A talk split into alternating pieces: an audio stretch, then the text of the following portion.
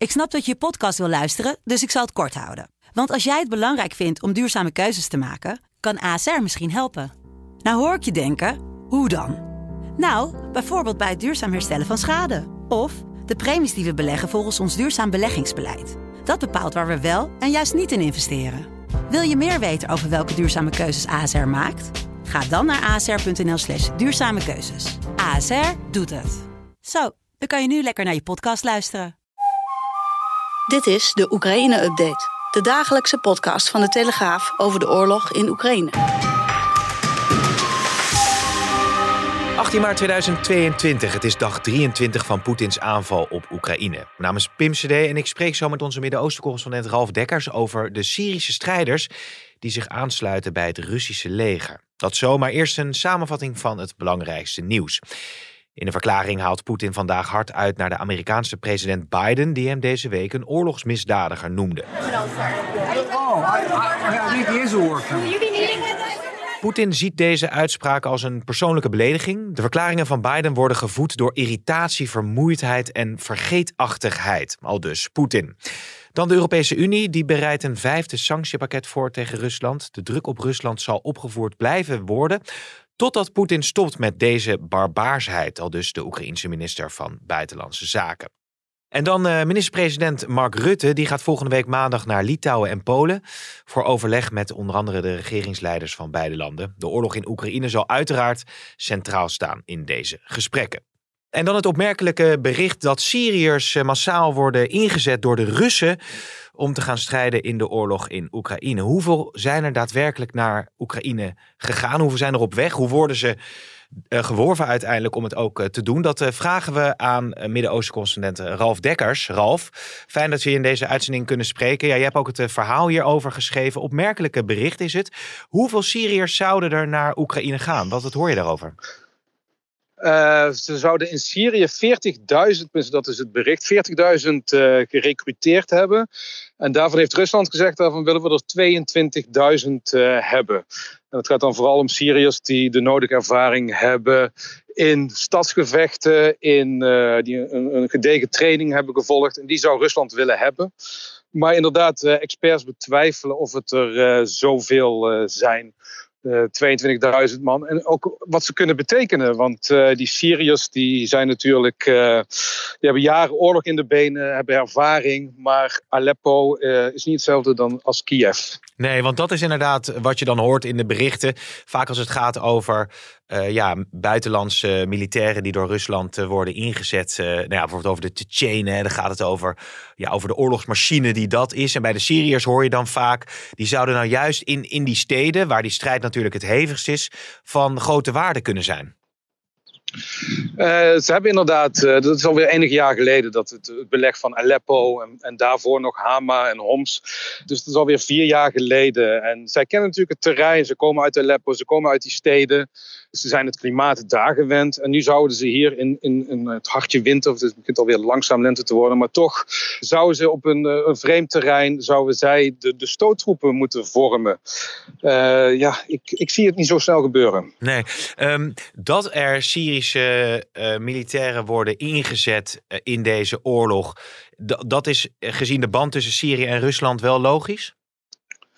Rusland heeft eerder Syriërs gerecruiteerd voor de strijd in Libië. Dat waren er toen een, een paar duizend. Ja, de situatie in Syrië is natuurlijk niet rooskleurig. Veel Syriërs hebben geen werk, geen toekomstperspectief. En de Russen, nou ja, die bieden een, een redelijk salaris. Maar ja, daarvoor moeten ze wel uh, nou ja, als kanonvoer dienen, zo lijkt het. Ja, ik zit me ook af te vragen hoe dat dan uiteindelijk gaat. Kijk, er, er zijn misschien wel banden tussen uh, Rusland en Syrië. Maar ja, voor, de, voor een gemiddelde Syriër zou die inderdaad, ook al krijgt hij er misschien goed voor betaald, enthousiast zijn om, om, om naar Oekraïne te reizen om daar een vreemde oorlog te gaan voeren. Nou ja, Rusland heeft natuurlijk Syrië, het regime daar geholpen in 2015. De oorlog gekeerd in het voordeel van Assad. En er zijn ook een aantal christelijke milities die zeg maar meer cultureel verwant zijn aan de Russen. Met name die milities hebben veel geld gekregen en wapens en steun vanuit Rusland. En die zouden nog wel bereid zijn om, om zich nou ja, voor Rusland op te offeren. Ja. Een gemiddelde Assad-strijder wat minder. Ja. Hoe wordt daar in het, in het Midden-Oosten gekeken naar, naar de oorlog in Oekraïne op dit moment? Is het iets wat, wat daar ook vol in de, in de belangstelling staat? Want je zit natuurlijk vanuit Israël. Ik zit vanuit Israël. Israël, uh, iedere, veel landen zitten een beetje in het midden, proberen een neutrale positie in te nemen. Israël probeert zelfs te bemiddelen. Mhm. De premier hier is uh, voortdurend aan het bellen met Poetin. Is als eerste regeringsleider ook op bezoek geweest in het Kremlin. Staat continu in contact met Zelensky. Maar die, die, die, die, die beginnen, ja, nemen een neutrale houding aan. Hetzelfde geldt voor Saoedi-Arabië. Eh, de Verenigde Arabische Emiraten. Ja, ze, ze, willen zowel Rusland als Amerika niet tegen zich in het harnas jagen. Dus ze, ze stellen zich terughoudend op. Ja, ja, ik zat nog even te denken ook over, over die Syriërs. Jij schetst dan dat ze als, als kanonnenvoer uh, worden, worden ingezet. Dat lijkt me nou ook niet echt een, een aanlokkelijke wervingsactie. ik denk niet dat ze zo uh, geworven worden. Uh, nou ja, de, berichten, nou ja, zo, zo, wordt gezegd tienduizenden. Ik denk dat duizenden misschien een, eh, een beter getal is. Uh, het is niet aantrekkelijk, maar er wordt gezegd dat mochten ze sneuvelen, dat de familie uh, 16.500 dollar krijgt uitgekeerd. Nou ja, als je nu voor, wat is het, 100 dollar per maand aan het vechten bent en al, al tien jaar lang. En de, je kan in ieder geval, zelfs als je sneuvelt, uh, je gezin nog een, nou ja, een, een, som geld meegeven.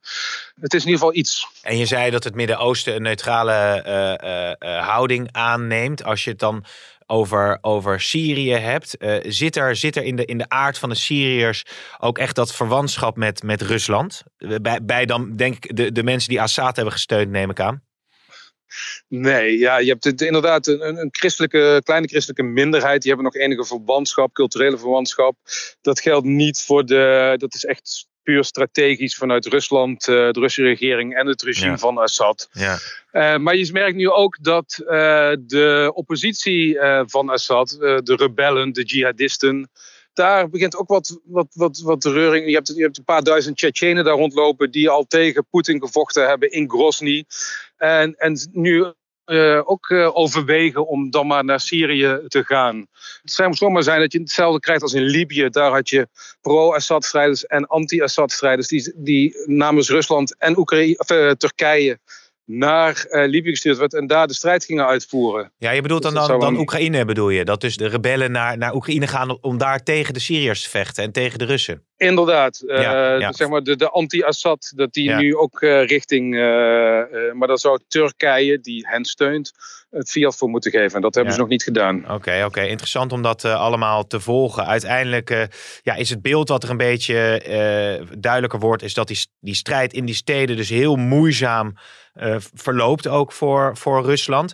Zou je daar een vergelijking kunnen trekken met, met, met die, die, die oorlogen die in die Syrische steden ook, uh, ook hebt gehad? Het, het, het, vechten tegen, tegen guerrilla's, tegen rebellen, et cetera? Rusland heeft natuurlijk uh, in Syrië ook alle ziekenhuizen, alle burgerdoelen uh, consequent gebombardeerd om die uh, bevolking nou ja, op hun knieën te dwingen. En dat gebeurt nu ook meer en meer in Oekraïne. Het, het verschil is, is dat natuurlijk de Syriërs op de grond aanwezig waren. Uh, om, die, die, om die lucht, nou ja, de luchtaanvallen van uh, Rusland uh, en dan op, het, op de grond het werk af te maken. Die Russen zijn nog niet in de steden, in Kiev, in, in Kharkiv, in al die steden zijn ze nog niet aanwezig. Ja. Dus je hebt daar geen grondtroepen die het werk van boven kunnen afmaken. Ja, oké. Nou, hoe dat zich in Oekraïne allemaal vervolgt, gaan wij volgen. Ralf, dankjewel voor nu. Alsjeblieft. En dan hebben we wat positief nieuws nog aan het einde van deze Oekraïne-update. Giro 5 en 5 bijvoorbeeld. Daar is tot nu toe 150 miljoen euro gedoneerd. Allemaal bedoeld voor Oekraïne. Dat is 12 miljoen euro meer dan een week geleden toen de laatste tussenstand werd gemeld. Het is het op ene hoogste opbrengst ooit voor een Giro 5 actie. Alleen de landelijke actie voor de tsunami in Azië in 2004 bracht meer geld op. Toen ging het om 208 miljoen euro. En dan nog een klein positief eh, bericht. Oekraïense vluchtelingen die bij het Westerpark in Amsterdam worden opgevangen, die kunnen een dagje gratis daar naar de kermis.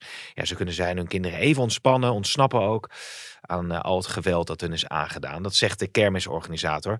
En op de kermis hangt op bijna elke attractie ook een Oekraïense vlag. Dus dat is natuurlijk allemaal hartstikke mooi. En dan is er ook nog een groot bord waarop staat in het Oekraïens welkom en veel plezier.